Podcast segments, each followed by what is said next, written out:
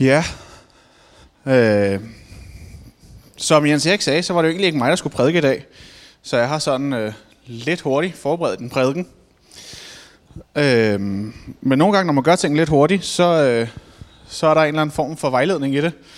For det, jeg kommer til at prædike om, kommer til at være helt i tråd med de lovsange, vi har haft, og med det, Jens Erik startede med at sige, og med det, vi har nævnt rigtig mange gange i dag. Øh, netop, at vi er her for at gøre godt i den her verden, for at skabe noget godt. Men jeg vil starte med et, øh, et citat fra prædikernes bog, som kommer herop, hvor der står sådan her. Endeløs tomhed, sagde prædikeren. Endeløs tomhed. Alt er tomhed. Så det er en god positiv start, ikke? Solen skinner, vejret er godt, alt er tomhed. Jeg synes, prædikernes bog er så, øh, så sjov. Man kan nærmest sådan høre, hvordan forfatteren her, han bare har siddet på en bænk og sukket de her ord ud. Ikke? Åh, alt er tomhed. Det er fuldstændig ligegyldigt. Det lyder som starten på en alvorlig depression. Og af samme årsag, så er prædikernes bog måske også en af de mest, eller mere omstridte bøger, sådan i, øh, vi har i det gamle testamente i Bibelen. Fordi budskabet ofte virker øh, nærmest modsatrettet af resten af Bibelen. Prædikeren her, han taler flere gange om, at, at vi kan tage os alt i den her verden, og vi kan gøre så meget godt, men det hele er ultimativt ligegyldigt, og han bruger udtrykket det tomhed, eller det jagen efter vind. Prøver vi at gå ud og sprede det gode budskab, jamen, altså det, det er en ligegyldighed, det er forfængelighed, det er jagen efter vind. Forsøger vi at gøre godt for andre mennesker, jamen ultimativt set, så skriver prædikneren, så er det fuldstændig ligegyldigt. Og det virker alt sammen sådan meget nedtrykkende, som om vi lige så godt bare kan sætte os ned og give op over for alt det, der foregår ude i verden, og give op på det liv, vi lever. Ej, det var en dyster start. Men øh, lad os se, om vi ikke kan vente til noget godt senere hen. Men jeg vil lige dykke en smule mere ned i det her med tomhed først. Øhm, for det er netop ordet tomhed er en af grundene til, at, at prædiknerens bog er så omstridt i sådan øh, akademiske kredse. Fordi det her Øh, hebraiske grundord, som vi oversætter her til tomhed, er enormt svært at oversætte korrekt øh, på, på vores moderne sprog. I, øh, hvis jeg læser i hverdagsdansk udgaven, så vil der stå, at alt er meningsløst. Det samme står i de internationale, New International Version. Hvis man læser helt tilbage i sådan de gamle, gamle oversættelser, før 1931 autoriserede oversættelser, så vil der stå, at alt er forfængelighed.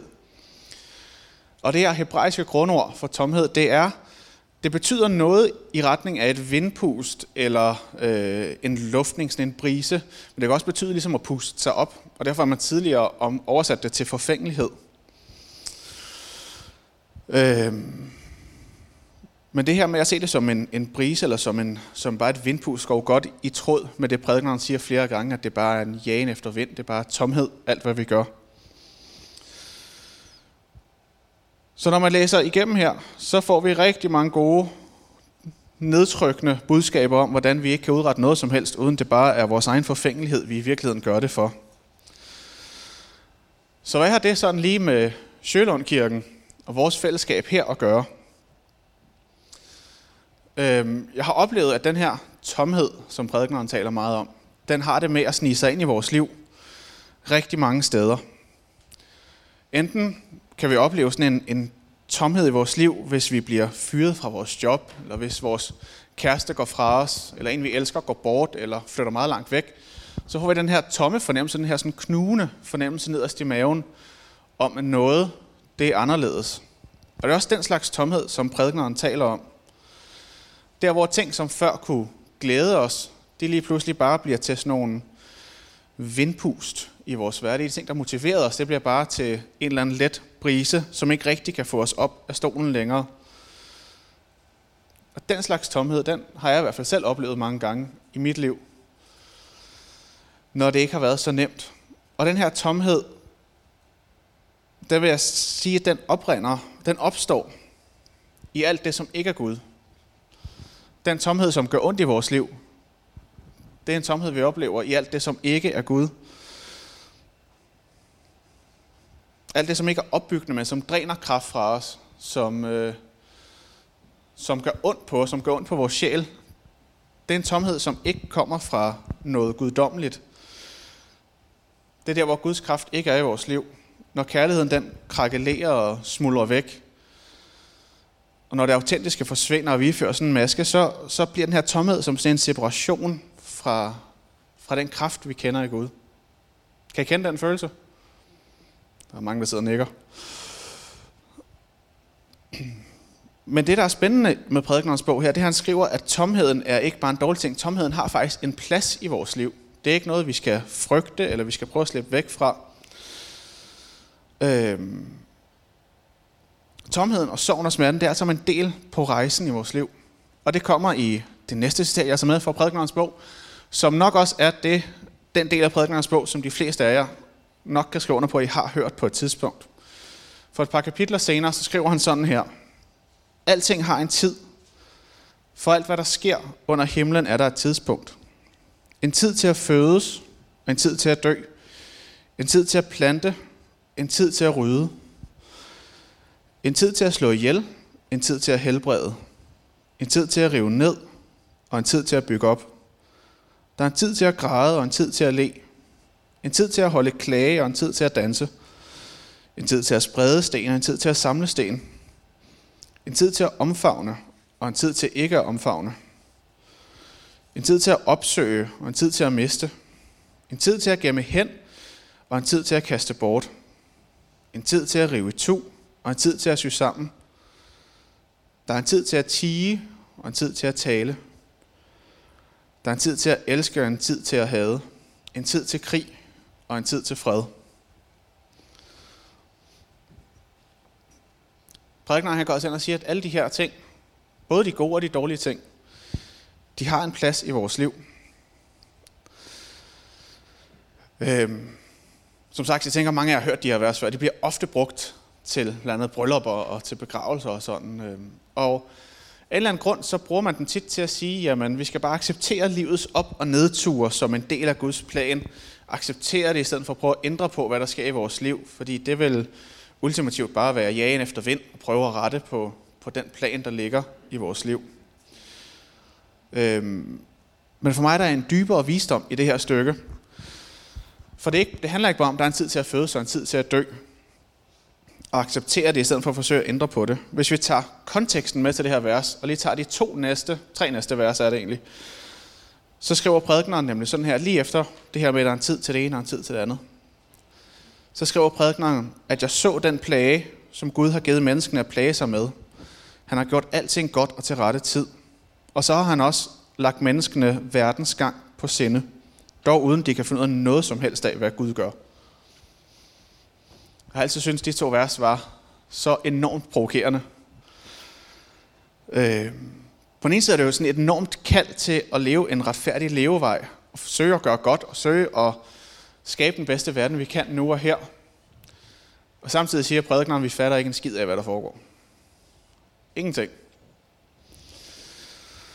Og det er den plage, som Gud har givet mennesket, og plage som med, at vi tror, vi kan regne tingene ud, vi tror, vi kan se fremad, vi tror, vi kan gøre en forskel. Det kan vi også gøre en forskel. Vi kan også gøre en forskel. Men vi har ikke nogen anelse om, hvad det egentlig er, der foregår. Men i stedet for, at der er et kald til at tage del i en retfærdig levevej. Den levevej, som Jesus viste os i hans eksempel. Til at skabe godt. Til at skabe glæde. Jesus gør jo ofte, og vi har mange historier om Jesus, der tager ud og spiser sammen med sønder og toller og prostituerede og flygtninge. Jesus tager del i andre menneskers liv for at skabe godt og gøre noget i deres liv. Og der er bare nogle gange, hvor vi må, vi må le og glæde os over den fantastiske godhed, vi kan opleve i verden. Og så er der andre gange, hvor vi må græde og vemmes og sørge over den enorme uretfærdighed, som der også er i vores verden. Hvis jeg bruger for eksempel, så tænd nyhederne i aften. Der er nok i verden her at græde over lige nu. Der er så meget mørke og ondskab. Men her bliver kaldet for prædiknerne altså at være dem, som i Jesu eksempel kæmper for et, en retfærdig verden, for en ny form for rige, for en ny skabning her og nu, for at skabe et Guds rige. I stedet for at gå og tænke en masse over, hvad er planen med det hele, og hvad skal der ske, så bare gå ud og gør en forskel.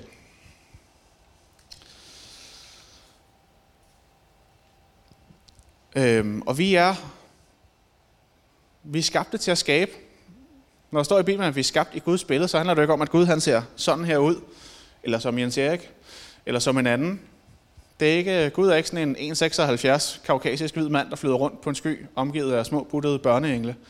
Det er ikke det, der bliver ment, når der er sagt, at vi skabte Guds billede.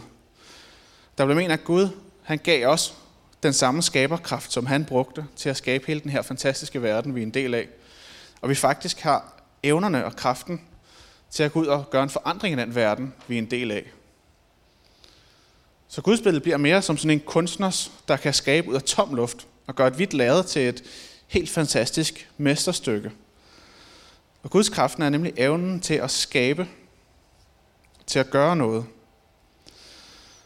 Øhm, men mere end det, mere end bare at gøre noget godt, så kan vi faktisk også være med til det kald, der er i at skabe Guds rige her og nu. For Gud han er også blandt os, ikke kun her i salen, men over hele kloden. Også i Ukraine, også hvor der er krig og ufred. Og hans kraft virker også der, at vi kan være med til at skabe en forskel. Vores kald som kristne er jo at være Guds fingre, der går ud og masserer og ældre og former jorden. Vi er skaberkraftens udsending. Vi er kærlighedens budbringere. Og det er et kald, vi skal tage seriøst, især i, i de her tider. Så Gud han er ikke bare sådan et fjernt væsen, som venter på os på den yderste dag. Men Gud er en, en tilstedeværende nu. En nærværende enhed i vores liv, som er til stede nu og her. En skaberkraft, som vi kan tage del i og være med til at gøre godt. Så hvis man skal prøve at opsummere en lille smule, så må jeg sige, at jeg er ikke enig med prædikneren. Jeg er ikke enig i, at alt det bare er tomhed. Jeg er ikke enig i, at vi bare er tomhed her. Jeg er ikke enig i, at vi bare er vind, der puster en lille smule til nogle træer, hvis vi tager del i at prøve at skabe Guds rige her og nu. Hvis vi tager del i vores kald om at sprede kærlighed, om at skabe en bedre verden, så bliver vi de fyldte. Vi bliver dem, der har overskud. Vi er ikke her for at tømme verden for dens ressourcer, og så der er fag til et andet sted. Vi er her for at fylde den op igen. Og vigtigst af alt, så skal vi ikke forsøge at skærme os for ondskaben og for den smerte, som vi ser ude i verden. Men kaldet her for prædikernes bog er at opleve den ondskab, der er. Til at føle på den, se den, og tage den helt ind til os. Og når vi så har den helt ind tæt på livet, så skal vi tage godt fat i den, og så erstatte den med kærlighed og med tålmodighed. Vi skal møde hadet med kærlighed, vi skal møde frygten med omsorgen. Og prædikeren bliver selv et smule mere optimistisk hen mod slutningen. For nogle kapitler senere, så runder, begynder han at afrunde øh, bogen på den her måde, hvor han skriver, kom også derop, Glæd dig, unge mand, mens du er ung. Lad dit hjerte være glad i ungdommens dage, og gå af veje, du vil, og efter det dine øjne ser. Men du skal vide, at Gud vil kræve dig til regnskab for, for det alt sammen. Fjern kvalen fra dit hjerte, og hold det onde fra livet. Gå de veje, du føler rigtige, men vid, at Gud vil kræve dig til regnskab for det. Det kan godt lyde sådan en øh, smule gammeldags, som om der er en eller anden stor regnskabsbog, hvor det så bliver sat to streger under på den yderste dag, og så får vi et, øh, får vi vide, om vi er oppe eller nede. Men prøv at tænke det i konteksten af resten af, hvad jeg har sagt her. Et Gud, der oprinder alt den kraft og energi og kærlighed, som får den her klode til at spænde rundt. Gud han er den kraft, vi kan bruge. Gud er skaberkraften. Gud er, vi læser mange gange i Bibelen, at Gud er kærligheden. Gud er fællesskabet. Der står endda, at Gud er omsorgen for den fattige. Så vi i vores liv må gå de veje, som vi finder er rigtige. Vi skal huske, at vores kald er til at skabe en bedre verden i morgen, end den var i dag. Og vi er ikke magtesløse i den situation. Vi har en fantastisk kraft bag os, som vi kan bruge.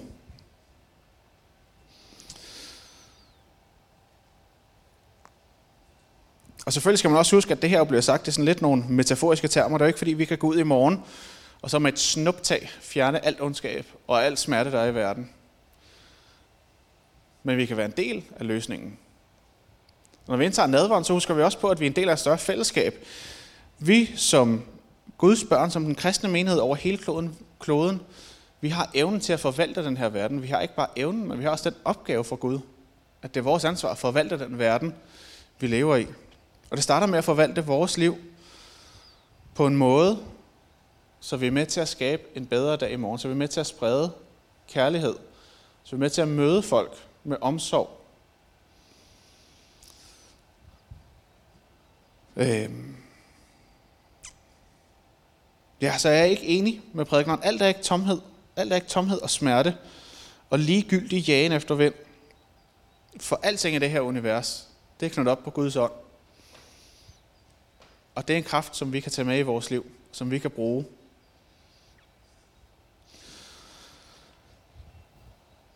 Jeg vil slutte af med at, øh, at bede en bøn for os her i dag, som er øh, tilskrevet og være skrevet af Frans af Assisi, som var en munk, der levede tilbage i 11-1200-tallet. Øh, han startede en munkeorden, den franciskanermunkene, øh, hvis hovedfokus var at leve så vidt som muligt i askese, altså leve uden nogen noget overhovedet i, deres eget liv. Ikke nogen ejendel, ingenting, men at give alt, hvad de havde til fattige og til folk omkring dem. Og det synes hans eksempel måske meget radikalt, men det er også meget inspirerende, at vi faktisk altid kan gøre mere for mennesker omkring os. Og der er en bøn, som har været tilskrevet til ham. Der er nok lidt usikkerhed om, det er reelt set er ham, der har skrevet den, men, øh, men det er en god bøn under alle omstændigheder. Og den vil jeg slutte af med at bede for os her i dag. Så øh, sæt jer godt til rette og luk øjnene og prøv at bruge et øjeblik på at vende blikket indad, mens jeg beder den her bøn over os. Herre, gør os til redskab for din fred. Lad os bringe kærlighed, hvor hadet råder. Lad os bringe tilgivelse, hvor uret er begået. Lad os skabe enighed, hvor uenighed råder. Lad os bringe tro, hvor tvivlen råder. Lad os bringe glæde, hvor sorg og bedrøvelse råder. Lad os ikke så meget søge at blive trøstet, som at trøste. Ikke så meget at blive forstået, som at forstå. Og ikke så meget at blive elsket, som at elske. For det er ved at give, at man får. Det er ved at glemme sig selv, at man finder sig selv. Og det er ved at tilgive andre, at man får tilgivelse. Det er ved at dø, at man genopstår til evigt liv. Amen. Jeg kan altid godt lide, at mine prædikner ikke bare er nogle ord, og så øh, går vi herfra, og så har vi glemt dem alle sammen igen om en time.